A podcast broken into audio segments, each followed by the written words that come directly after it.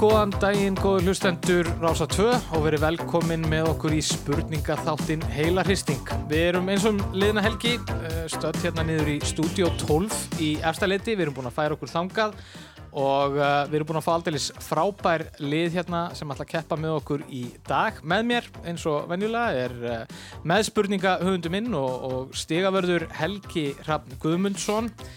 Já, erum við ekki bara svolítið spenntir fyrir keppni dagsins, Helgi? Jú, gríðarlega spenntir og ég held að svona fyrir utan spurningafróðlengin sem við fáum hérna í dag verður þetta svona, eh, það verður líka um svona kostningarna vestanhaf sem eru framöndan og, og svona ímislegt svona skemmtilegt með það. Þetta er svona smá þema tengt hjá okkur í, í, í dag. Við höfum fengið hérna lið sem að það eru með þess að tengingar á milli liðan að tveggja þannig að það er bara mjög skemmtilegt. Við auðvitað bendum að sjálfsögja á það að þið getur alltaf nálgast þáttinn, þátt dagsins og eldri þætti í spilarunum á rúf.is og í rúf-appinu og öllum helstu hlaðarpsveitum. Svo þykjum við auðvitað allar ábendingar um bæði keppendur eða efni spurningana eða hvaðina sem ykkur líkar á hjarta á netfangju okkar heilarhýstingur at rúf.is.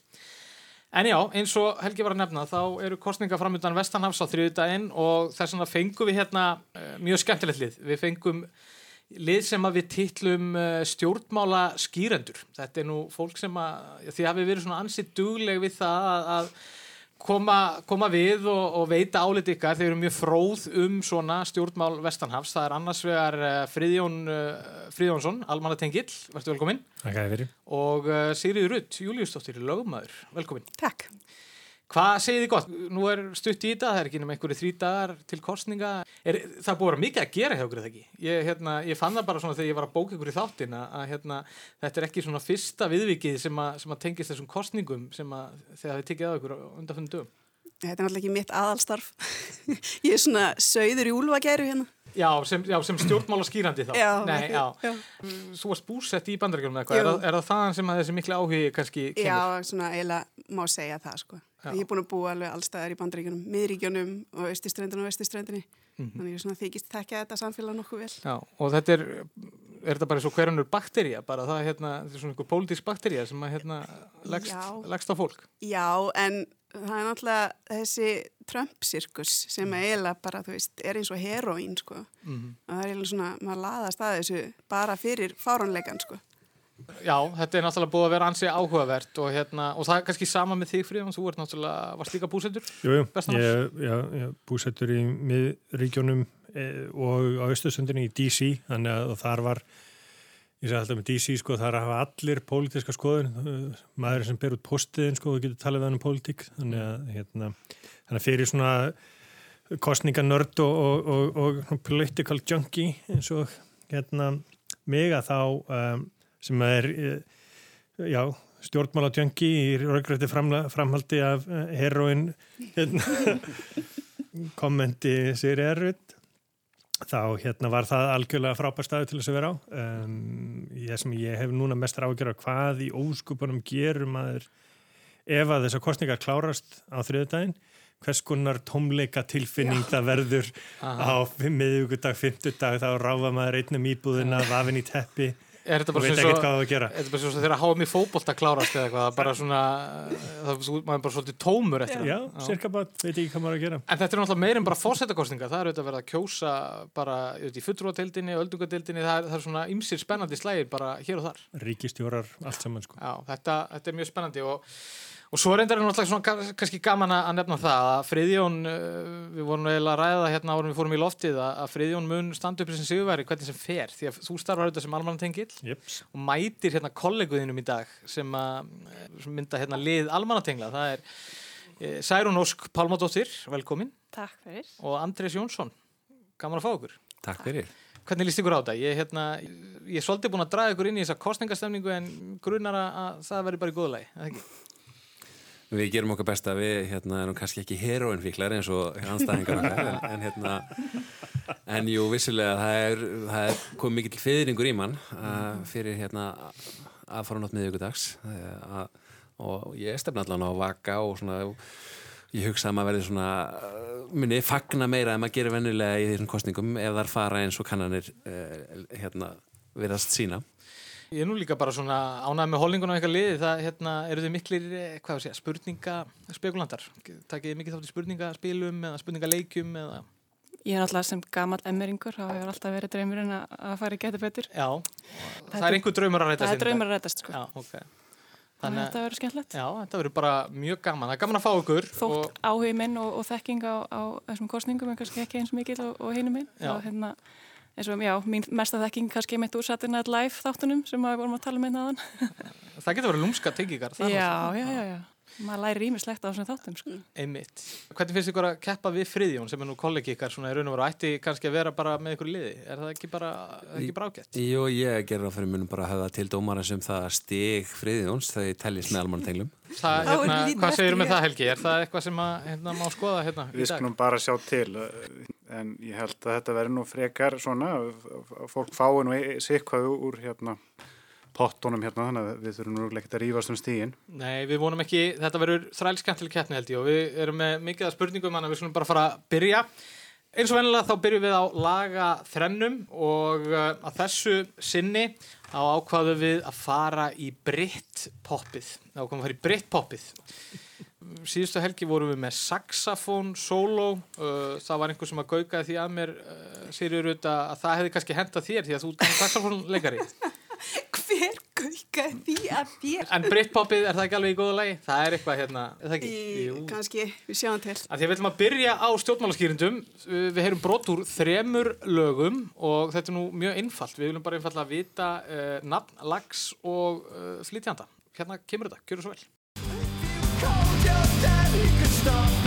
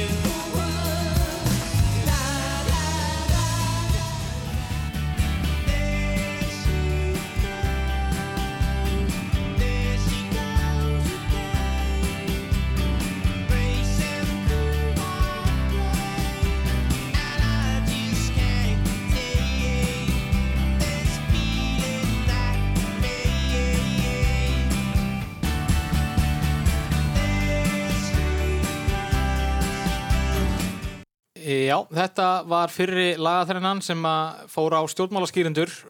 Við getum bara svo sem farið yfir þetta svona lið fyrir lið. Á þessu fyrsta. Það Sko, eitthvað. það er Common People, Já. heitir lagið. Uh, ég man, ég heitir hann ekki Jarvis, eitthvað söngurinn hennar. Jarvis Cocker, Já. pölp. Já, Mhm. Pulp, ég var ekki með það. Það er pölp, það er bara hárið. Það, var, það er eitt stig þar. Svo heldum við áfram. Þar lendi ég vandræði með hljónstina, ég bara hreinlega man ekki hvað hann heitir. Uh, Sweet. oh my god, ég er réttu liði. Uh, na, það, lagið heitir hins vegar The Beautiful, The Beautiful Ones. Já, Og svo er ég alveg reyn í þriða laginu. út alveg reynið þriða læginu. Já, Okay. Lægið heitir There She Goes Mhm. og hérna ó, hvað sko fyrri hljómsettin þessi hljómsett kemur upp úr The Last og það er algjörlega stóluður mér eða var það The Last? Það, það, er The Last Herri, þetta er bara vel gert. Við þið erum með fullt hús til Yes. hamingi. Þetta var bara glæsilega gert. There she goes með hljómsveitinni The Last. Þetta er nú svona einsmellungur mikill. Kannski gaman frá því að segja að Rolling Stones tímaritið vildi nú meina að, að þetta lag There she goes væri upphafið af Britpopinu. Það kom út 1988. En svo vorum við með Common People, með Pulp og Beautiful Ones með Suede og There she goes með The Last. Þetta bara kom allt fram. Virkilega vel gert hjá stjórnmálaskýrindum sem að fá fullt hús. Þá færum við okkur bara yfir til uh, almannatengla og þið fáum bara algjörlega sambarlega þraut. Gjör svo vel.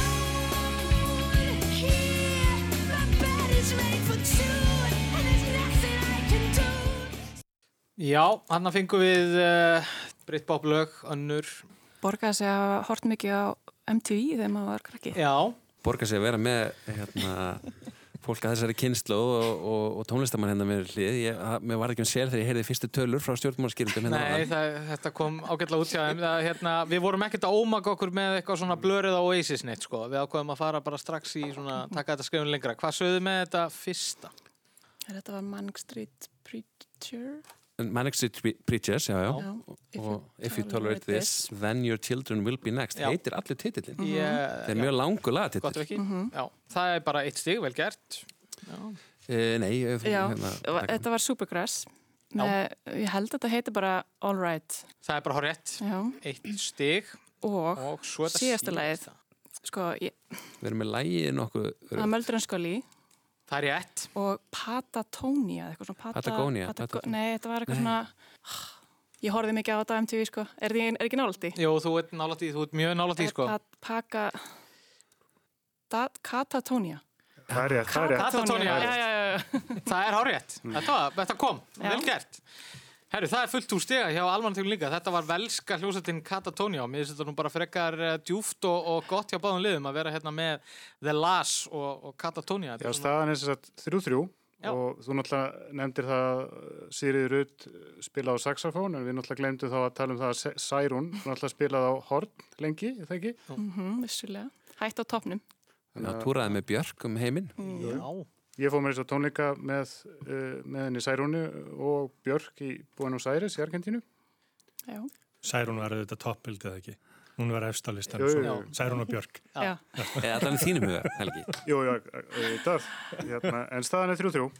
herru, þetta fyrir bara vel að stað Nú erum við í smá vandræðum vegna þess að uh, akkurat á þessum tímbúti í keppninu höfum við yfirleitt verið með svo kallar stjættaspurningu þar sem að við berum upp spurningu um stjætt anstæðingana á liðin Já, það sem að við erum með svona smá rókaringu hérna í honum fríðóni sem að getur verið setið begja megin bórsins, þá þurftum við bara að finna eitthvað nýtt og okkur datt í huga að hér væru lið í dag sem að bæði væru nú nokkuð vel að sér í fréttum líðandi stundar.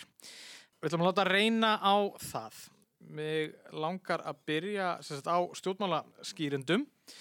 Þóróli Guðnason átti ammali miðugudaginn 28. oktober. Söng hópurinn Vinir og Vandamenn, söng fyrir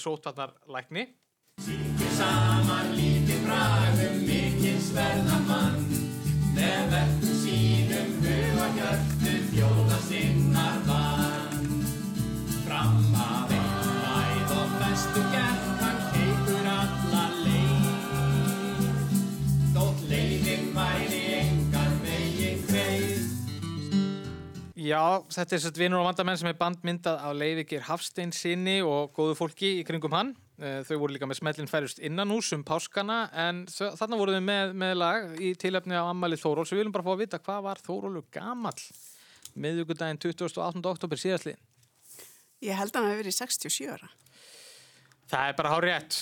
Tvö stig, vel gert og þá förum við yfir á almannatengla því fáum nú svona sambarilega spurningu.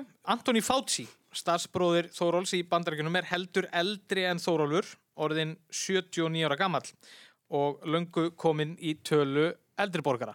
If someone asked me, I'm 75 years old, I have hypertension, and I'm a little bit concerned, alleviate your anxiety, do an absentee ballot, no problem. but they could vote in person if they were careful. Right. Yes. Já, hérna heyrðum við brotu viðtalið við Fauci. Við viljum bara fá að vita frá hvaða borg er Antoni Fauci eins og reymurinn kynna að bera með sér. Ég er ekki góður heimum, sko. Boston. Já, ég hugsaði það líka Það var svona eitthvað. Ég var að segja það, vitið þið eitthvað? það var annars Boston eða þetta væri verið svona Brooklyn var þetta kannski ekki það Borg, sko. Brooklyn Borg. Já, og þú er ekki marga borgi sem þið myndu þóra að spyrja um, en það eru nú ekki að taka vel í þessar hugmyndir okkar þannig að hérna, Ég, við skjótum á Boston já. Það er ekki rétt og hérna geta stjórnmálaskýrindur stólið einu stíi. Já, við ætlum bara að skjóta á Brooklyn nefnilega og það er borg. Já, það er rétt. það er rétt. Það er eitt stig. Þetta kom smá sveifla. Stjórnmálaskýrindur náðu sér í eitt sem auka stig. New York hefur náttúrulega verið rétt í þessu. Já. Við ætlum að fara yfir í valflokkana, við ætlum að fara í fyrri valflokkana, þeir eru með blöð fyrir framann ykkur á borðinu sem stendur á einn og ég ætla að byggja ykkur um að snúa því blaði við því að þar eru fyrri valflokkarnir, fyrir valflokkaumferðin það eru stjórnmálaskýrendur sem að fá að velja fyrst í þessari fyrri valflokkaumferð. Það eru fjórir flokkar í bóði, það er annars vegar stúlknabönd, sértrúareglur og söfnuðir, íslenskar æfisögur og fréttarittarar. Sem sagt, stúlknabönd, sértrúareglur og söfnuðir, íslenskar æfisögur og fréttarittarar. En á meðan við veljum það, þá hérna skal þess geta að staðan er sem sagt núna 6-3 stjórnmálaskýrindum við vil. Hvað velur hugtaki fréttaritari í sér? Þeir eiga til þessi valflokkar að vera svona kannski ekki alveg mjög upplýsandi titlarnir en Já. þannig er um að ræða samt, jú, einhvers konar fréttarittara. Ó, þetta er alveg útskýrið þetta alveg bara, já, heyrðu, Já, já. tökum það bara. Já, Vil ég prófa það? já, já. já, já. Já, mér líst stjóla það. Fréttarittarar ríkis út af sinns eru margir og nú ætlum við aðeins að kanna þekkingu liðana á þeim sem að færa okkur tíðindi frá Norðurlöndunum. Og hér heyrum við brot úr speiklinum. Í dag lauk formlega stjórnarkreppun sem vofði yfir hér í Noregi eftir að dómsmálar á þennan sagði að verkamannarflokknum væri meira andum réttindi hriðjuverkamanna en öryggi borgarna. Þetta er sérst fréttarittari Rúf í Oslo í Noregi og vitið hvað maðurinn heitir? Uh, wow, og þetta er, sko, ég veit að Andres yðar í skinninu núna, Norregs fílinn sem hann er, heitir eitthvað, Nor, Nor, Norgefíl. Ja. Norsefil Norsefíl, já. hérna, hann heitir Gísli, föðunafni er algjörlega stóðlugur mér, eða ekki, þetta er ekki Gísli, Ég, það var eina sem mér, það kom til mín, en já, sko, þannig að já, ég hugsaði þessi rétt hjá þessi gísli, en meira veit ég ekki, sko. þetta er algjörlega stóðlugur mér. Gísli. Nei, þetta er bara, þetta er algjörlega stóðlugur mér. Viljið þið skjóta á eitthvað? Vá, nei, ég er, hérna, Ég er alveg sko. Ég ætla að leifa bara Andres að svara þessu spurningu. Hvað segja almannatenglar? Kannist þið við fréttarittara Rúf í Oslo? er hann, Heitir hann Gíslo Erir Ólafsson? Nei, hann er ekki Ólafsson, þetta var Gísli Kristjánsson. Ég hef ekki haft þetta. En yfir til ykkar, almannatenglar, það er bara sambarileg spurning. Hér er á ferðinni fréttarittari Rúf í Kaupmannahöfn og við viljum bara vita hverju maðurinn. Nú hefur danska ríkistjórnin með samgöngur á þeirran Óle Birk Ólesen í brotti fylkingar dustað ríkið af þeirri hugmynd að leggja brú yfir Kattegatt og tengja þannig saman Sjáland og Jótland. Já, hér er á ferðinni fyrrandi fréttamaður Rúf sem að fluttist síðan til Danmörkur og hefur verið með fréttaskeitið þann. Ég er ekki vel að mér í þessu, Andres, þú er... Ég sé nafnið fyrir mér og hann er skeggjaður og uh, hefur skrifað uh, skemmtilega fréttaskýringar á kjartan og það er eitthvað svona Kolbett Kormakur, það er eitthvað þannig nafn uh, hann er með millinafn líka minni mig Þetta eru þekkta rattir, það kannast einhvern veginn allir við að hafa heyrt þessar rattir en, en kannski nöfnin er ekki alveg að koma. Nei. Nei. Gefið það frá okkur Herðu, það kemur ekki. Uh, Stjórnmálaskýrindur, eru þið með nöfnin á þessum? Þetta er náttúrulega svo mikil áfællistómur yfir okkur almannatenglum að mun ekki nöfnin á fréttarítarónum. Ég veist að ég er ekki með þetta. Ég er bara fyrir mitt litla líf mannandi. Herðu, þetta var hann Borgþór Artgrímsson. Borgþór Artgrímsson. Mjög kormákslegt nafn Já, þetta er uh, Kormákur í þessu. Ég get svo sem undir það, sko. Þetta eru tveir heiðusmenn og við bara sendum þeim kveðju. Já, sendu góða kveðju. Þetta er va- kannski svolítið vanþakklátt störf en, en, en þó þakklátt sko Það er kannski má koma að framfæri já. Það er þá komið að ykkur að velja og það sem að stendur eftir hérna eru stúlknabönd, sértrúareglur og söfnuðir og íslenskar æfisugur. já, ég verði ekki að nýta okkur það að, Stúlknaböndin? að vera með stúlnabandar hérna, Meðlim. meðlim Fyrrum. Já, í liðinu já, í hvað stúlknabandi? Icelandic Wonder Brass. Já, herðu, Sem ymmi. spilaði með Björk, við vorum tíu Já, akkurat, akkurat. Ha, Spiluði Saturday Night Live já, vissilega. Reyndar Mikið 2008 sko, það er svolítið langt síðan. Nei, 2007 minnum ég, já. Sko, stúlknabönd. Þetta var eitt vinsælasta stúlknaband sjönda áratugurins. Þær komu nýju lögum inn á Billboard Hot 100 listan í bandaríkunum, voru frá Harlem hluta New York borgar, kölluðu sig fyrst Darling Sisters, en færðu sig svo um set og hófa gefa út plötur undir handleyslu pródusentsins Phil Spector og skiptu þá á nafn. Þær voru þrjár í bandinu, sýsturnar Veronica og Estelle Bennett og frænka þeirra Nedra Telly og þeirra þekktasta lag er kannski þetta hérna.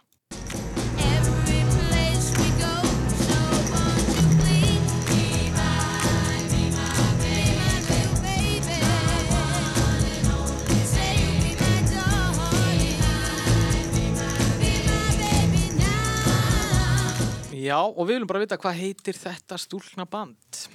Er það ekki eitthvað Sisters? Þetta er ekki Sister Sledge. Nei. Það var lítið verið að spila þær á MTV, sko. Þetta er aðeins, Aðeins eldra. aðeins eldra, sko. Mm. Þetta heist að lag, en, en maður kannski tengir ekki við nákvæmlega, já. Já. Nei, þið komið á Tom Cohen, veldi ég okkur. Þetta er ekki Su- Supremes. Ég var að segja það bara til að segja Já, eitthvað. ég segi mig eitthvað bara, Já, Supremes. það er ágætt gisk, þetta eru ekki svo príms. Hvað segja stjórnmála skýrindur? Getið þið, þið getið stólið einu góður. Um, sko, þú sagðir að, vera, að, að, að Supremes er ágætt gisk og, og já, ég man nefnilega sko, ein, einu systurnar sem ég man eftir í, sko, í, í Ameríku voru Andrew systur sem þær voru sko held ég á hérna, sjötta áratögnum. Mér heyrðis þetta svona Ég bara áfram með smjörið. ekki vera að koma. Þetta voru The Ronettes. Ok, The Ronettes. The Ronettes. Hver man ekki til þeim? Herrið, þið fáið sambarlega spurningu. Þetta stúlknaband var stopnað í Detroit árið 1957 og er því eins mikið Motown og það verður. Upprunlega héttu þær The Delphis en breyttu svo um nafn þegar þær hinnlega drituðu út slögurum á árabilinu 1963 til 72 en þær komu alls sex lögum á topp 10 á Billboard listanum vestra. Meðal annars þessu lagi hér árið 1964.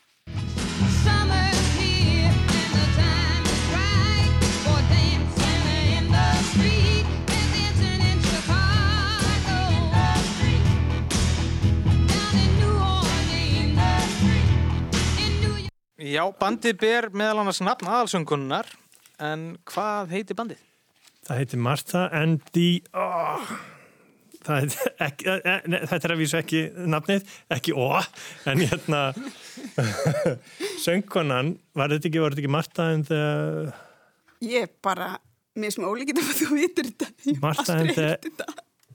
Oh, Þetta er ofta kvikindislegt hérna hjá okkur, bæðið með fréttarítarana og þetta. Já. Þetta er svona, hérna, Fólk engist hérna fólk alveg. engist Já. alveg um, sko. Ég var að vonast þetta spurningum með mikið nælon og svona. Þetta Martha and the Van... Svo horfa allir á hérna spurningahöfundana. And the V eitthvað, það er eitthvað Martha and the... Ég sé fyrir mér hlustundur heima, hrista hausin. Ég nákvæmlega, bara, hvað er vita er þetta ekki? Þetta er alveg þeir að Þetta er- gera þeim hlustendum sem að vita þetta svo mikið greiða því að nú er hátíð hjá þeim. Já, já. En ég svona, fyrir, fyrir að mér heyrðist þetta ekki vera dett inn, sko. Það er bara að koma með eitthvað svar. Hvað svo var? Nei, ég meni, ég var með Martha and the Vandellas eða eitthvað svo leiðis, en það er líklega annað band. Sko, Martha and the Vandellas er bara rétt. Martha Reeves and the Vandellas eða Martha and the Vandellas. Vá.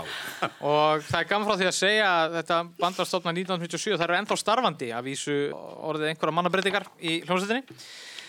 Þá snýst þetta við, við ætlum að fara í setni valflokkana og þið eru með sagt, blað fyrir framleikum sem stendur á tveir og nú eru það almannatenglar sem var búið að velja fyrst.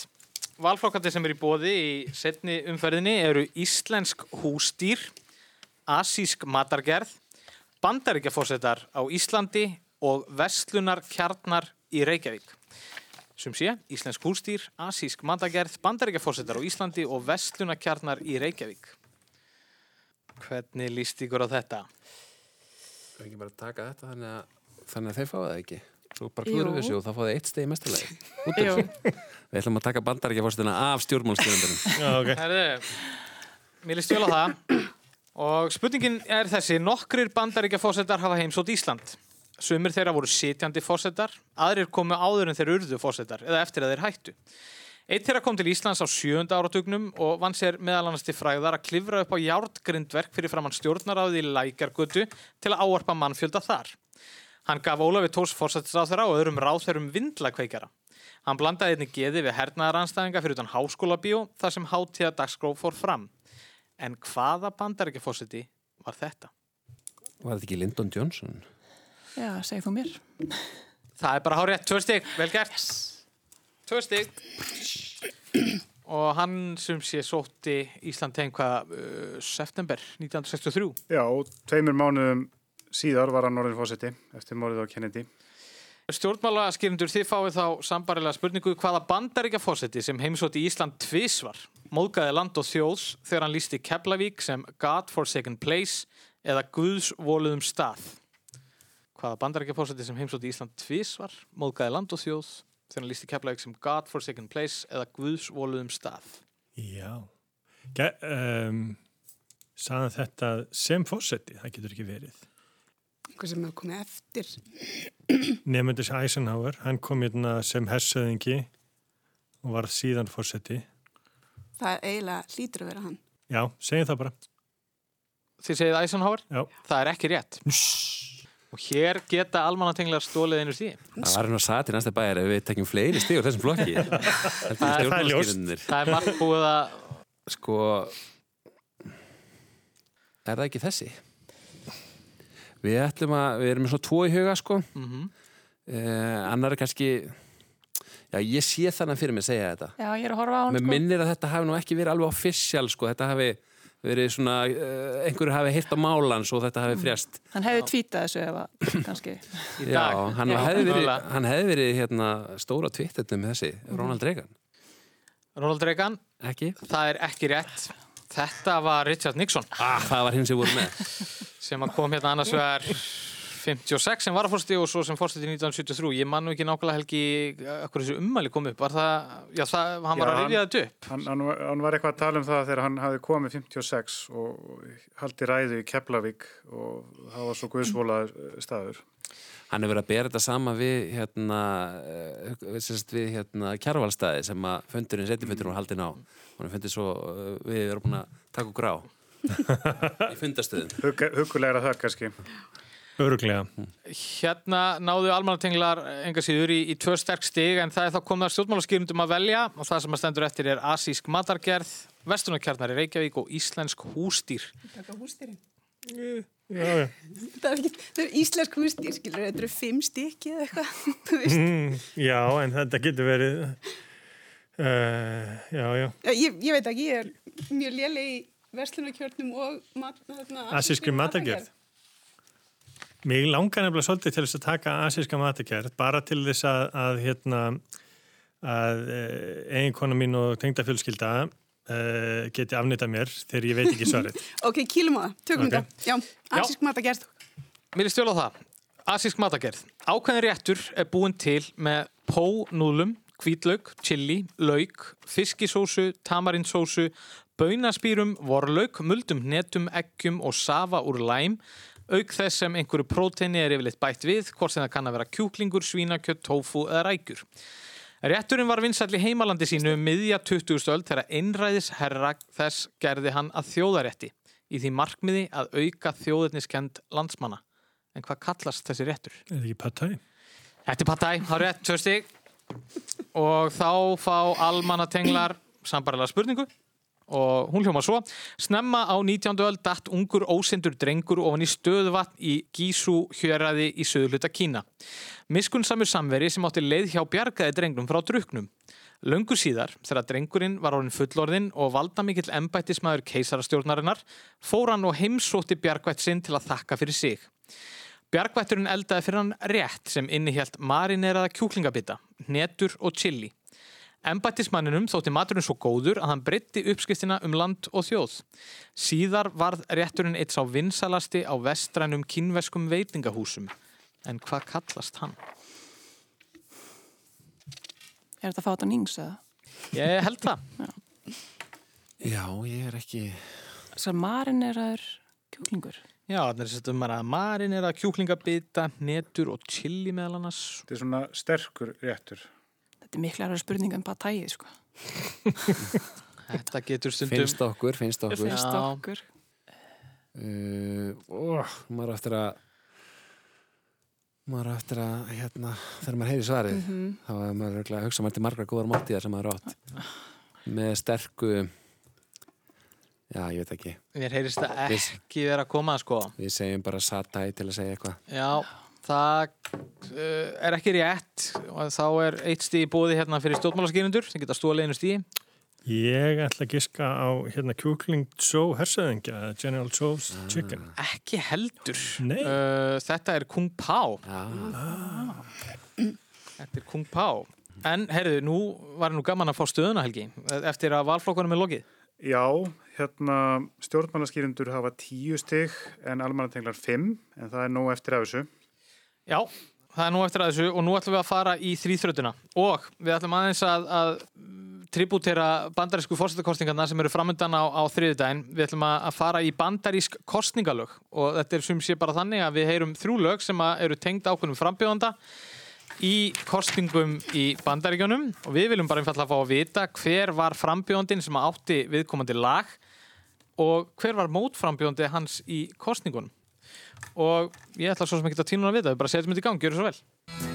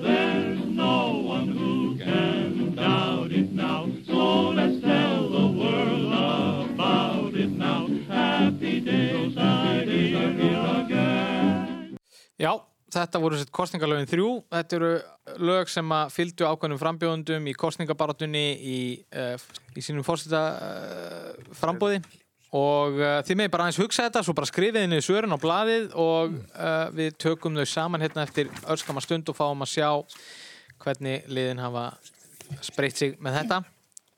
Það er hérna bara svona. Það er bara... Heldur að hafi með þetta lag? Já, akkurat. Það bara, getur eiginlega bara ég, þetta er einu sem ég man eftir. Aha, já, ok, það getur verið. Hvernig gengur þetta hjá okkur? Já, það er rétt, það er rétt, það er rétt. Já, við kannski förum yfir þetta bara. Þetta voru sér satt uh, þrjúlög. Þetta var annars vegar Don't Stop með Fleetwood Mac, Don't Stop Thinking About Tomorrow, sem var einkennislega Bill Clinton í kostningunum 1992 á móti George Bush og stjórnmálaskýrindur eru með það. Nú, svo heyrðum við lagið High Hopes með Frank Sinatra, það var einkennislega JFK árið 1960 í kostningunum á móti Richard Nixon og bæði liðin eru með það. Og síðasta lagið er lag Ben Selvin og The Crooners Happy Days Are Here Again. Það var hljóriðar árið 1930 sem svona óður til betri tíma eftir áfall kreppuna miklu.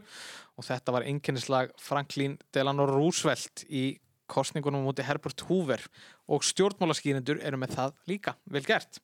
Við erum kannski að fara svolítið illa með almannatengla hérna, að- að leggja þetta svona upp fyrir stjórnmálaskýrindur eða hvað Já, við, við erum sko almannatenglar helsta hérna, skilið sem vera almannatengil er, a, Já. er að taka vombriðum vel Við við þingjum inn á, á fréttastofur og, Við erum með harða brynju. Já, við erum með harða brynju En sko, og, það má náttúrulega taka það fram sko að þið eru þetta með hérna sko, þið merki hérna lögin Don't Stop, Happy Days og Frank Sinatra þannig að það má alveg færa sterk rauk fyrir því að gefa ykkur tvö steg fyrir þetta Helgi, hvað segir með það? Jú, tvö steg, klár Góð mennskan. alveg hérna. Herrið, að þá áður en að við höldum áfram að að taka fram að sko lögfræðingurinn í mér varð svolítið spenntur sko fyrst af öðrum ástæðum þegar að þetta voru svona kostningalög Já. í mismunandi fylgjum bandaríkjana ég var alveg yes. Það, Vá, það er reyndar verið sko, það er nú reynda spurningaflokkur sem að ég og Helgi vorum ekki einu sinni búin að sko, við vorum ekki búin að kafa svo djúpt sko. En einmitt, það er náttúrulega margt ákveðvert í þessum Hvenær þarf að skila atkvæðum í hvaða ríki og...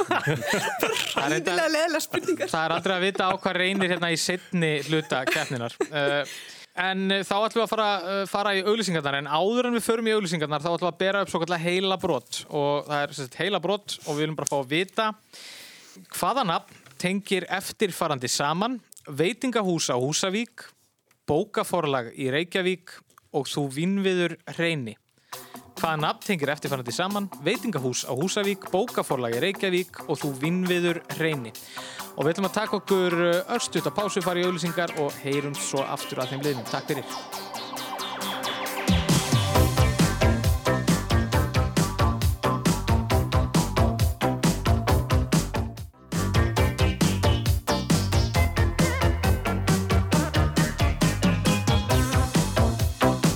Komið sæl aftur, góðu hlustendur, uh, við sitjum hérna niður í stúdíó 12, uh, hér er í gangi spurninga þáttur Rásar 2, heilarhistingur, við erum með tvö frábær lið hérna, það er annars vegar lið stjórnmála skýranda sem eru í þau Friðjón Friðjónsson og Sigurður Júliusdóttir og lið Almanatengla sem að skipa Andris Jónsson og Særún Ósk Pálmadóttir. Uh, við vorum að bera upp heilabrott hérna rétt áður en við fórum í auglýsingarnar, við vildum einfalt að fá að vita hvaða nafn tengir eftirfarandi saman veitingahús á Húsavík, bókaforlag í Reykjavík og þú vinnviður reyni. Og við erum búin að fá svör frá báðum liðunum. Bæði lið segja það sama, Salka. Og það er bara hár rétt, það eru tvö stygg fyrir bæði liðin, vel gert. Þetta eru þetta bókaforlagi Salka, þetta er veitingahús sem heitir Salka á Húsavík og fyrsti hluti Sölkuvölku heitir Þú vinnviður reyni, ekki sett? Jú. Þannig að þetta flæktist ekki fyrir liðunum og þá ætlum við að fara að hefja þennan setni hluta og kannski á hann lengur haldi. Hver er staðan, Helgi? Jú, staðan er þannig að stjórnmálaskýrindur eru með 15 stig en almanatenglar 9. Já, staðan er 15-9. Síðasta þætti þá byrjuðum við með nýjan lið sem við nefnum uh, já, kistan. Þá förum við í kistu rúf og finnum eitthvað svona gamalt og gott efni og við ætlum að halda okkur við það í þessum þætti líka. Uh, þetta er bara víksl spurning hefbundin sem fer bara bæði liðin og við ætlum að byrja á ykkur stjórnmála skýrendur. Árið 1992 tók Jón Ólafsson heimsbyggingur og sérfræðingur í málefnum Rúslands eftirminnlegt viðtal í Moskvu. Öfga sinnaður þjóðnispopulisti hótaði þar að breyta Íslandi í fanganýlendu kæmistan til valda.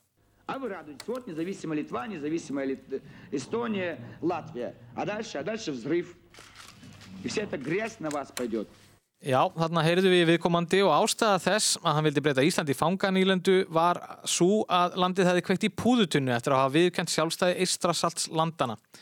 En hvaða herramæður var þetta?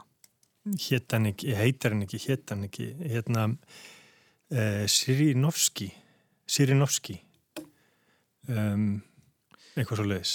Það er bara Já. á rétt. Ok, ég er ætla ég að reyna að rifja upp föðunafni sko Pól Sirinovski. Og þarna heyrðu við sett brot úr þessu uh, viðtali frá árinu 1992 sem að svona skaut svona Íslandingum aðeins skelk í bringu. Skemmtilegt að minnast á það að í þessu sammingi að það komu, að komu svolítið röð á kampótamyndum hann á þessu tíðanbili myndu svipa sí- á, hérna, tíundartögnum og minnir einmitt að í einni sem að hérna, hétt Crimson Tide að þá hafi verið svona karakter sem var nú lauslega byggður á, á Sirinovski sem að hótaði að sprengja allt í loft upp og svo framvegis.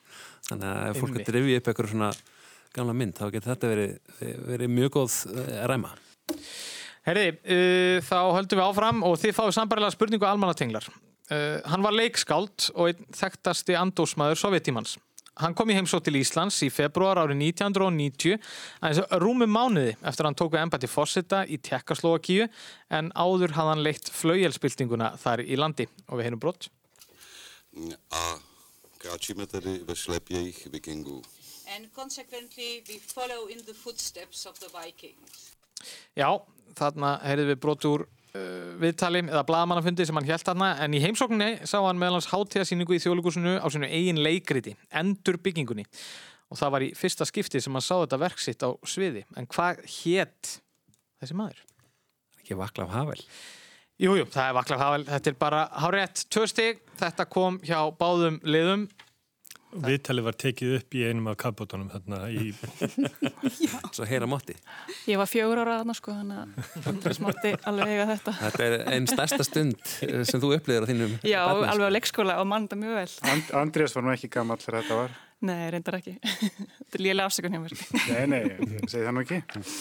En þá ætlum við að færa okkur yfir í uh, þemun ykkar og það var nú þannig að allir keppendur fengið að velja sér eitt sérsvið að þema þar sem við ætlum að bera upp þrjár spurningar á hvert keppanda um sitt þema. Liðsfélagi má hjálpa en svaretturinn gengur hins vegar ekki yfir og við ætlum bara að fara yfir þetta svona systematíst. Við byrjum á stjórnmálaskýrindum. Þú varst ekkert að flækja þetta Sigriður, þú fórst bara í kostningarnar Vestanhafs 2020. Já.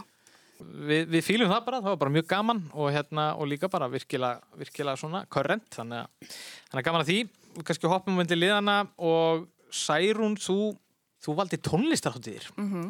og við erum kannski aðeins búin að fá hérna að vita af hverju, þú ert, Já. þú ert að búin að Ég farið áður alls, að, mjög, nokk, eh, mjög margar erlendir sko og verið kannski mest á ekki að njóta þar en vera að njóta hérna í Íslandi í staðin sko þegar ég fer á, á, á tónlistarhátíðina hér. Já. og eiginlega sko tengingin, það er tenging mellir tónlistarhátíða og því sem ég er að gera í dag. Mhm. af því að á þessu tónleikaferðalagi sem ég fór á með Björk þá heitlaðist ég svolítið af svona þessum kynningarstarfi á öllum þessum festivalum sem ég var að spila á. Mhm. þess vegna fór ég svolítið yfir í almannantengslinn sko en endaði svo bara hjá högum eitthvað. Í aðeins hinn áttina við hérna við sko. Þannig að það, þarna átti tengingin að vera sko. Já. En það er oft hátíða bragur í hugum, ger ég ráð fyrir. En, já, það var hérna bara flott uppgjör núna í, í gær og svona Þú getur að tala fyrir því viki út kvíanar og Já, já, ég kem, kem að einhverju skemmtilegi tónlistastefnu hana. Já, já. mikið ungu Tónleik- fólki sem sækir hérna hag upp í skeifinni um helgar Já. Þú er ekki nammilandi þar Festival í, í hérna Hagkup, allar helgar. Það er bara næsta mál, heyris mér. En aftur yfir á stjórnmálaskyndu Friðjón, þú uh, valdir eiginlega flokk sem er svona bara mikið í þema eitthvað liðs, íslenskir stjórnmálaleitvar. Eitthvað svona sérstök pæling á bak við það eða bara... Nei, ég bara, ég, hérna, þegar ég las af einhverju ráði, ekki bara einhverjar greinar og, og hérna, og, og, og svona uppgjör skoðanakannana, að þá fannst mér gaman að lesa æfisugur stjórnmálumanna. Þannig að ég eh, hef lesið þær nokkrar og glimtum öruglega flestum. Eh, Þetta er ekki allt eftirminnilegt stöf, eins og maður segir. En hérna, já, þetta er bara, ég hef alltaf haft gaman á sögunni. Akkurat.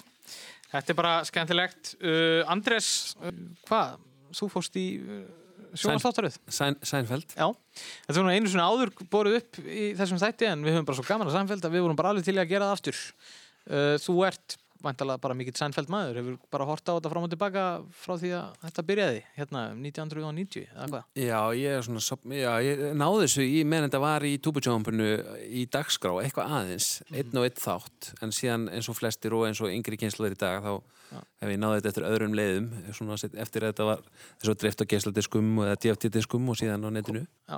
En ég, hérna, og svo sopnaði maður út frá þessu svona, eins og maður hefur vannist einhvern veginn að sopna út frá einhverju, en ég valdi þetta nú ekki vegna þess að ég var kannski neitt bjassett endilega að fá mörg stig í þessu, en hérna, það var bara gaman að sjá, en allan að það sem er svo skemmtilegt í Sænfeld, það er búið að alla situasjónir hafa komið fyrir í Sænfeld. Þannig að þeir sem dett inn í Sænfeld, þeir segja oft í viku, þetta var í Sænfeld. Þetta er eins og í Sænfeld. Já, það er grúpa á Facebook sko, það sem að fólk er mynd mikið að taka fréttir eða einhverjar aðstæður upp úr fréttum og einhvern veginn rýma það við eitthvað sem gestur í samfélg, eða ekki? Jú, þetta er eitthvað, er eitthvað svona djúb tenging hérna í þessum þáttu sem að, sem, og skemmtileg hvernig þetta verður til. Þetta er fólk sem kunni ekki búið til sjónvarstátt og aldrei gert áður og bjótir eitthvað til sjónvarstátt sem að talar bara inn í mannlegt eðli þannig að það mynd segja að þetta veri stórvirki í sjónvars, sjónvarsbransanum. Einmitt, þetta verður skemmtilegt. Við hérna, við ætlum að byrja uh, á þessum þemaspurningum, þrjá spurningar. Fyrsta spurningi gefur eitt stig, svo kemur svo næsta gefur tvö stig og í lokin er það þingsta spurningin sem gefur þrjú stig og við byrjum á Sigriði Rudd.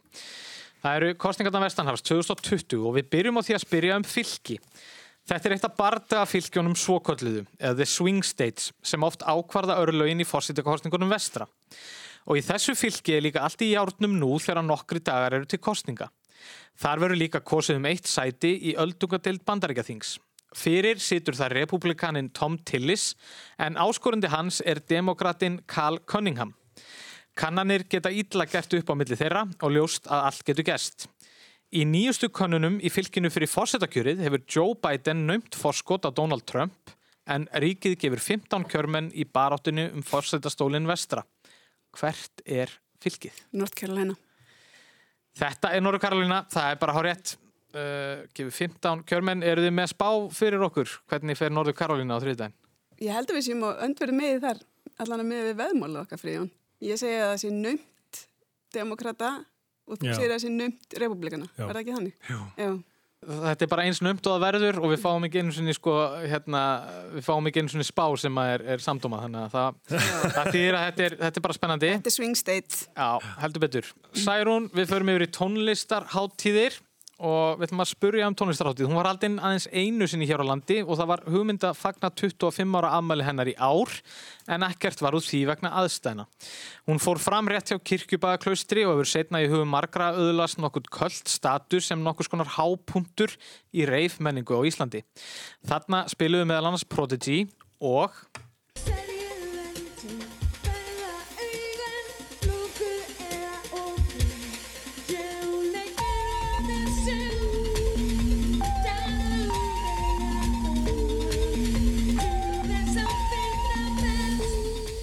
Já, og þetta var hún Björk sem að snýri þarna heima á þess að hátíð eftir mikla landvinninga ellendis og flutti hér lægið Hyperballad í íslenskri útgáfu. En spurningin er bara einfalt, hver var hátíðin? Já, ég hef aldrei heyrt þess að þetta lag í íslensku útgáfu. Nei, ég nefnilega, mér fannst þetta áhugavert Já. og hérna, ég veit ekki hvort þetta hafi bara verið eitthvað sem hún gerði bara þarna einu sinni, Já. svo þannig kannast ekki við að hún hafi einhvers sem að tekið þetta á íslensku og Nei, hún tók nokkuð lög á íslensku stundum sko, en hérna, ekki þetta. En þetta var Uxi. Þetta var Uxi. Þetta var Uxi, eða Uxi 95. Það er bara eitt stygg, vel gert. Þetta fyrir bara að stað. Það er Friðjón, við fyrir í íslenska stjórnmálaleitóa. Frjálslindi flokkurinn var klopningsframbóð úr sjálfstæðisflokknum sem stopna var af undilagi Sverris Hermanssonar á árinu 1998. Flokkurinn náði mönnum á þing árið eftir og leiðtóin sem við spyrjum um var formaður þingflokksflokksins til 2004. Hann tók þá við formannsembættinu í flokknum að Sverri árið 2003 og gengdi embættinu allt þar til flokkurinn þurkaðist út af þingi 2009. En hvað hétt þessi leiðtói sem nú er fallin frá? Þessi ágæti maður hétt Guðunarna Kristinsson eða Addi Gita Gau. Það er bara hár rétt. Eitt stig, við förum yfir í Seinfeld, Andrés. Um hvað fjallar þátturinn Seinfeld? Ekkert. Það er bara hár rétt. Þetta er Show About Nothing. Við getum bara heyrt pitsið hérna. Just talking? Well, what's the show about? It's about nothing. Já, þetta var sett úr þættinum The Pitch, þar sem að Jerry í raun gefur upp efnistökin í þætt, þættinum þegar hann er að reyna að pitcha sambarlega þætti við framleiðendur NBC. Þetta er ótrúlega merkilega nákvæm lýsing á þessu þætti. Hann er í raun og veru bara ekki um nokkuð skapað hlut. Þetta er bara eitthvað fólk sem er bara eitthvað brasa bara. sem er bara the, eh, the human condition bara sem svolítið við erum, erum með í svona alla daga Herriðin, þetta gekk allan mjög vel og þessi fyrsta umferð það sóttu allir eitt stig. Uh, við förum aftur til Sigriðar Ruddar og það eru kostningarna Vestanhafs. Kamala Harris, fyrrum saksóknari og öldugadeilda þingmaði frá Kaliforníu er varafósetta efni Joe Biden fyrir demokrata. Hún er einingis þriðja konan sem er varafósetta efni í kostningum þar vestra og gæti orðið svo fyrsta til að ná kjöri. Hinnar tvær töpuðu. Sarah Palin sem var varafórseta efni John McCain árið 2008 og svo svo fyrsta sem bauði sér fram með fórseta efninu Walter Mondale gegn Ronald Reagan í kostningunum árið 1984. En hvað hétt hún? Já. Já, hann Friðjón segir að hún heiti Geraldine Ferraro. Það er bara hár rétt. Þetta Ég ætla ekki að taka mér heiðurinn fyrir það sem að Friðjón veit og ég veit ekki. Já, þetta var Geraldine Ferraro sem að var fyrsta varafórseta efni bandarækina en þessar kostningar 1984 voru nú þetta var nú vel bara hálfgett rúst var ekki hjá Reagan og, og, og Bush. Jú, um, Reagan vann öll ríki nema uh, Minnesota, heimaríki Mondale og svo vann hann ekki heldur DC sem er náttúrulega ekki ríki en gefur þrjá kjörmenn. Meiri segja ríki eins og Massachusetts fjallu með, með Reagan. Þannig að hérna, þetta var eitt stærsta rúst í sögunni. Já, þetta verður eitthvað meira spennandi held ég á þriði daginn en uh, þá förum við aftur í tónlistarháttíðir Særún. Þessi er eins og vinsalasta á Breitlandsegum og hefur raun að verið valin besta tónlistarhátti Breitlandsega af NMI síðustu tíu ár. Hún er haldin í bænum Pilton í Somerset á suðvestur horni Breitlands. Háttíðin var fyrst sett á fót árið 1970 og haldin næsta árlega síðan en aðalsvið háttíðarinnar er hið góðsagnakenda Pyramida svið. Þar áttu að koma fram Taylor Swift, Paul McCartney og Kendrick Lamar í ár áður en háttíðinni var frestað. Hver er háttíðin? Heyrðu, ég hef nú bara spilað á þessari hátíð. Já, ég nefnilega verða viðkynna þegar ég var að setja saman þessar spurningar þá var ég ekki búin að átta mig á því að þú væri búin að túra hverja einustu tónlistarháttið hérna. En það er bara, þetta er vel valið efni það er bara hannig þetta er svona vegur á móti kostningunum sko. Já, já, við getum sagt það. Já, þetta er hérna, ég man svo vel eftir þessu, þetta var sérst Glastonbury. Já. og það var sérst svona stór borði sem var búið að setja meðfram sérst áhörenda, sérst stoppa áhörendina Björk rhymes with jerk. Já Það var skilabóðin sem við sáum allan, allan tíma sem við spilaðum Þetta var eitthvað sprellari Í sko helli dembu, þetta var rigninga sem eru mikla 2007 Já, feikilega eftirminnlegt Mjög og þannig að það voru engin vandræði með þetta þetta var svo Glastonbury hátíðin Vonandi í- bara næsta spurning svona líka. Já, við sjáum hvað setur. Friðjón Kvennalistin bauð fyrst fram til alþingis árið 1983 og fekk 5,5% atkvæða og þrjár konur á þing. Það voru þær Kristín Halldórsdóttir, Sigriður Dúna Krismundsdóttir og hver, en svo gengdi stöðu formans þingflokksins fyrsta árið. En hver var svo þriðja sem gengdi stöðu formans þingflokksins fyrsta árið? Var það Guðrún Agnarsdóttir? Tvö stig, vel gert. Mm. Þetta var mjög vel gert. Ég, býtu, við erum ekki að ruggla sinna. Það, það er allt búið að ganga upp, hinga til. Þannig að þetta er bara mjög skemmtilegt. Já, herði, þá förum við aftur í Seinfeld. Andres, í þættinum The Stakeout, í fyrstu seríu býr George Costanza til sögum karakter sem hann segist hafa unni hjá í fyrirtækja samsteipu viðkomandi sem bar sama nafn. Nafn þessa karakters dúkar svo upp reglulega hjá George í þáttunum en oft stiðst George til dæmis við nafni sem dullnefni þegar áþarf að halda.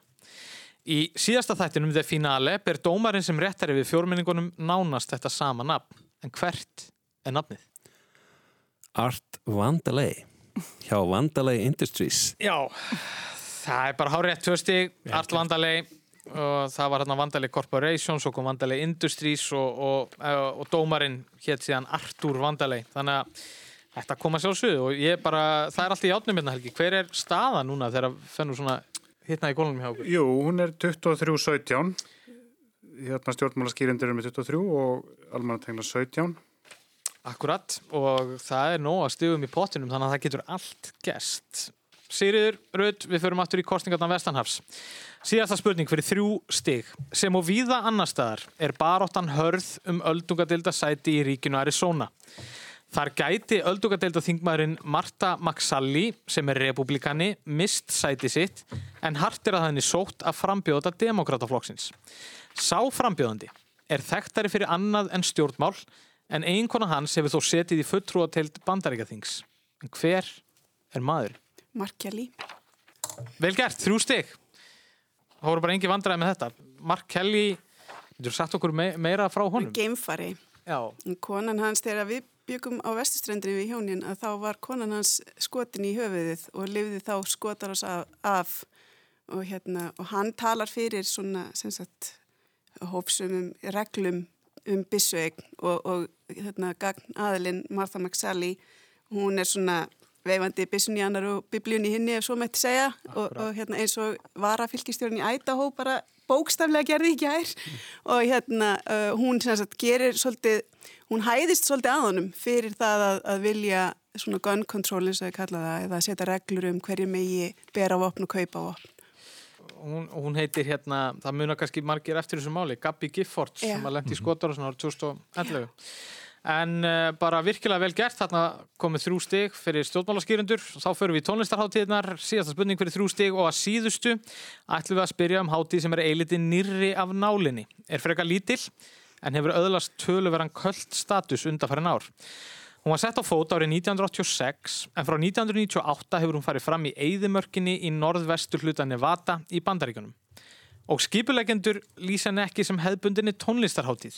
Þarna í Eidimörkinni er sett upp tímabundin vin fyrir viðburði og gjörninga af öllu tægi og ger krafa um þáttöku allra þeirra sem sækja háttíðina heim við að reysa borgina Black Rock City sem er umgjörð hennar á hverju ári. Hún hefur sprungið út í vinsældum um 15.000 sótana árið 1900 árið 1998 þegar hún flutti á núverandi stað en í fyrra voru þáttakandur tæplega 80.000. Hún hefur þó uppskórið gaggrinni fyrir að vera orðin of meginströms en í dag flikast frægir einstaklingar, áhrifavaldar og nýríkir uppar úr kísildanum í Kaliforníu á hana. En hvað heitir þessi dular fulla hátíð? Já. Ég held fyrst að þetta væri Coachella sem ég var að tala um sem ég hef spilað á. En þetta er... Ég heldur að þú voru ekki spilað. Nei, ég var ekki spilað þessari, en Þetta er þetta svo- er Burning Man. Þú veit bara með þetta. Mm. Það er Burning Man. Þrjú stig. Vel gert. Eitt kunningi minn fór á þessa hátíð og, og var orðin svona vel skítur þess að fólk verður hérna eh, að því að vera í eðimörkinni og hérna svona eftir, þetta er allt svona mjög hippalegt eh, hérna og frjálslegt. En uh, á einhverjum tíðanpunkti einhverja síðustu nóttina þá rendi upp að þeim uh, svona risastór van uh, svona húsbíl og opnaðist hörðin og þá var það Danny DeVito með sinni sem var bauðum um borð og tveir íslendingar hérna áttu hérna uh, tjömmuð fram eftir mótni með Danny DeVito sem var þó ekki, hann var, hann var með einmitt en svo kom fram fræga fólkið með, með allar aðstæður Já. Ron Var alveg- Jeremy reyndi sko að komast inn í hérna, inn á svæðið okkar þegar við vorum að Coachella sko. Vildi fá að hitta íslensku stelpunar sko. Já. Ég neita nú að þessum mönnum sé samjafna þó þessi svipaðara hæð Ég kann viðkynna það, ég væri freka til í að fara á rúndin í Nevada með Danny DeVito það, hérna, það hljómar virkilega skemmtilega sko. Þetta var Þetta var gott name drop, svona vinu minn ekki þessu. eina frendi minn. Þetta er eiginlega búið að ganga alveg lígilega vel hjá okkur en við bara höldum áfram, við förum yfir í íslensku stjórnmála leiðtóhana og við viljum bara fá að vita, Friðjón, hver var formaður alþýðuflokksins árunum 1980 til 1984 eða á milli Benedikt Skröndal og Jóns Baldvins Hannibalssonar. Hver var formaður alþýðuflokksins á árunum 1980 til 1984 eða á milli Benedikt Skröndal og Jóns Baldvins Hannibalssonar? Það var sá ágætum að Kjartan Jónsson og hann hérna sem síðan var sendið hérna í Brussel lengi. Það er bara hár rétt. Þrjú stig. Vel Það er gert. Ekki kratana sína. Já. Vel gert. Þetta kom. Þetta Ég- iljar krata veit ég sem er að hlusta Já, er það ekki? Já, að menn Ég er gleymist ekki verða friðinni. kannski er ég og Helgi af uh, einhver aðeins annari kynslu en ég verða viðkjöna, ég þekkti, þekkti þetta nafn ekki en, en hann satt sem formar í fjör ár það er nú tölvöru tími Hann er svolítið herður eins og dómarinn okkar Herðu, einmitt, uh, þá er bara komið að síðustu þema spurningunni og hún fer aftur yfir á þig, Andrés. Ísland eða Íslendingar hafa ekki komið mikið við sögu í Sænfeld-þáttunum, en Well, for me, it's a step up. It's like moving from Iceland to Finland. Já, nema verið kynni þarna þegar Elaine var að hvetja Jerry til að flytja í betri íbúð og lísti því að það var eins og komast frá Íslandi til Finnlands. En þó er það nú þannig að Íslensk kona hefur leikið í þáttaröðinni. Fyrirsæta og leikona sem starfaði Vestanhafs um langa hríð. Hún leik Bridget, lítið hlutverk sem kærustu Sænfeld í þættinum The Diplomats Club í 21. þætti sjöttu seríunar.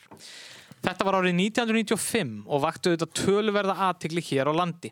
En hvað heitir hún? Þessi leikona og fyrirsæta sem að poppaði upp sem Bridget.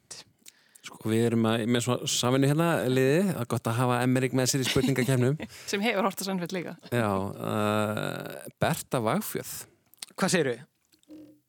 Berta Vagfjörð. Vogfjörð. Vagfjörð. Já, já, já, já, þetta er alveg hárétt, ég er bara hérna Framburðurinn er kannski ekki Já, alveg Berta Marja Vokfjörð, það bara er hárétt, þrjú stig, Helgi, ég held að þetta sé sögulegt, ég held að við höfum aldrei farið í gegnum þessar þemaspurningar áður, það verður engi keppandi tapa stíi, sko. Nei, þetta er bara stórglæslegur árangur. Já, við þurfum eitthvað að endur skoða okkar störf hérna við dómararnir, þetta, uh, en okkur fannst nú bara ansið þunga spurningar þennan á milli, en þetta bara koma allt, þannig að það er bara virkilega vel gert, við ætlum að fara í svona löflétta loka spurningu, ég er samt ekki vissum að það skipti máli, því að stjórnmála skýrendur voru það upplugir í, í þessari umferð, hver er staðan? Já, þetta er náttúrulega ekki breyst þannig lagað, uh, en bæði lið eru náttúrulega bara með hellingastegum, uh, stjórnmálaskýrindu 29 en almannatenglar 23. Já, staðan er þess að 29-23 og við erum í raun og veru bara að fara í loka spurninguna og við ætlum nú bara að hafa hana svona skemmtilega í tilefni þess að ég veit að margir ætla að horfa á þriðudaginn, fylgjast með kostningunum Vestanhafs þannig að við ákveðum að hafa hana bara svona örlítið tengda því. Og þetta er bara svona skemmtileg skemmtilegu leikur, hver er nær? Uh, það eru þessi tvö stíði bóði ef að þið eru með þetta rétti eða fyrir liði sem að er nær Annar fórseti bandarækjana, John Adams, var þar til á 20. öld eini fórseti bandarækjana sem náð hafði 90 ára aldri. En hversu margir fórsetar 20. aldarinnar náðu því? Þannig að þið með skrifa þetta niður á blað, hversu margir fórsetar bandarækjana á 20. öld náðu 90 ára aldri og það eru tvö stíði bóði fyrir liði sem er nær eða tvö stíði bóði fyrir rétt svar. Já, kannski sko náðu eða hafa náð. Já. Náðu að vera- eða hafa náð, akkurat. Þeir þurfa ekki að hafa... Uh, Yfirgeðu okkur. Nei, nei. Nei, nei, nei, nei, það var nú verið hundra. Nei, auðvitað ekki, auðvitað ekki, nei, ekki hann. Já. Við heitum tvo og það var hundra og það er sem, sem voru hérna fyrst eins og... Það er ekki bara. Já, nú þurfum við að fara að fá blöðin og Helgi ætlar að fara að standa upp og Segjum bara, segjum bara tvo.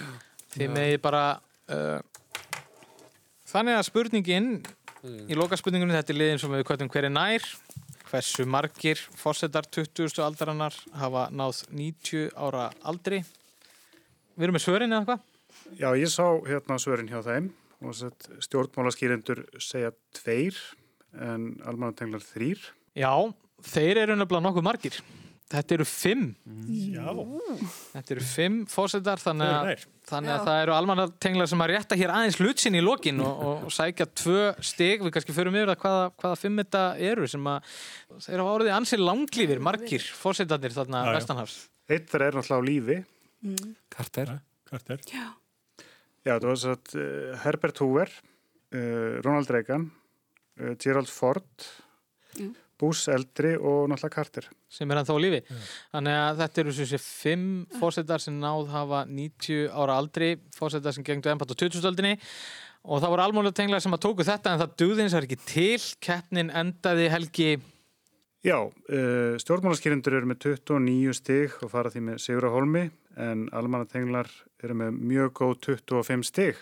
Þetta var nú held ég einhver stigaðista keppni sem að fram hefur farið hérna í heilarsýstingi já, bara frá því að við byrjum eh, fullt af stigum, en stjórnmálaskýrendur til hamingju því farið með gott veganesti inn í, inn í kostningavöguna á þriðdægin nú eru þetta svona uh, það eru smá takmarkanir á mannfögnum og öðru hvernig ætlaði að gera þetta hvernig ætlaði að leggja þetta upp á, á þriðdagskvöld er það bara heima í Já, kósi? bara, það er bara heima sko.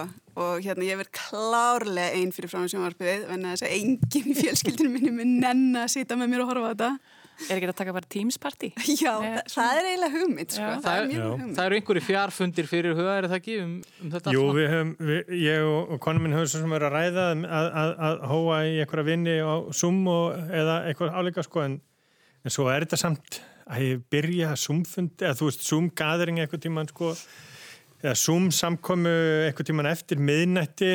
Já, hérna jú, jú, það geti, það geti verið en ég veit það ekki, mér finnst það eitthvað kannski vill maður bara vera í hérna í hlýju heimilisins ef þetta allt saman skildi síðan fara á versta veg og maður þurfi bara að hérna, býða rólugur og, og hérna og engin úslit verða komin fyrir nekkuð til mann 17. súrkál og allt fyrir kál og kössu Já, eða, eða, eða með, með bara brefdúunum og post, postflutningunum einhvern Já. sem bara með, með vorinu. Já, það verður spennandi að sjá hvernig það fer. Almannatenglar, þið stóðu ykkur bara gríðalega vel, Andres og, og Særún var frábært að fá ykkur, nú svona, eh, svona kannski marga línur í þessu, þið náttúrulega annars vegar höfðu þið betur í sagt, spurningunum sem að tengdust bandarísku fórsetunum og kostningunum á móti stjórnmálaskýrindum, þessum almennu spurningum og svo auðvitað fáið þið stíðinans friðjóns líka þannig að þið í raun og veru sko Rústuðu. þessi rústuðu þessari keppni Svo bara spurningi, eru við eins leiðileg og við erum oft talin vera, almenna tenglar? Já, fannst mér ekki Nei, ég, hérna, þú veist, þið fórum mjög skemmtileg Já. Mér fannst þetta bara ótrúlega gaman Eh, Það var gaman að fá ykkur, Andrés og Særún og, hérna, og bara takk hjá fyrir komin að heilarsýsting Við ætlum að heyrast aftur af viku liðinni Takk fyrir okkur í dag Takk fyrir. Takk fyrir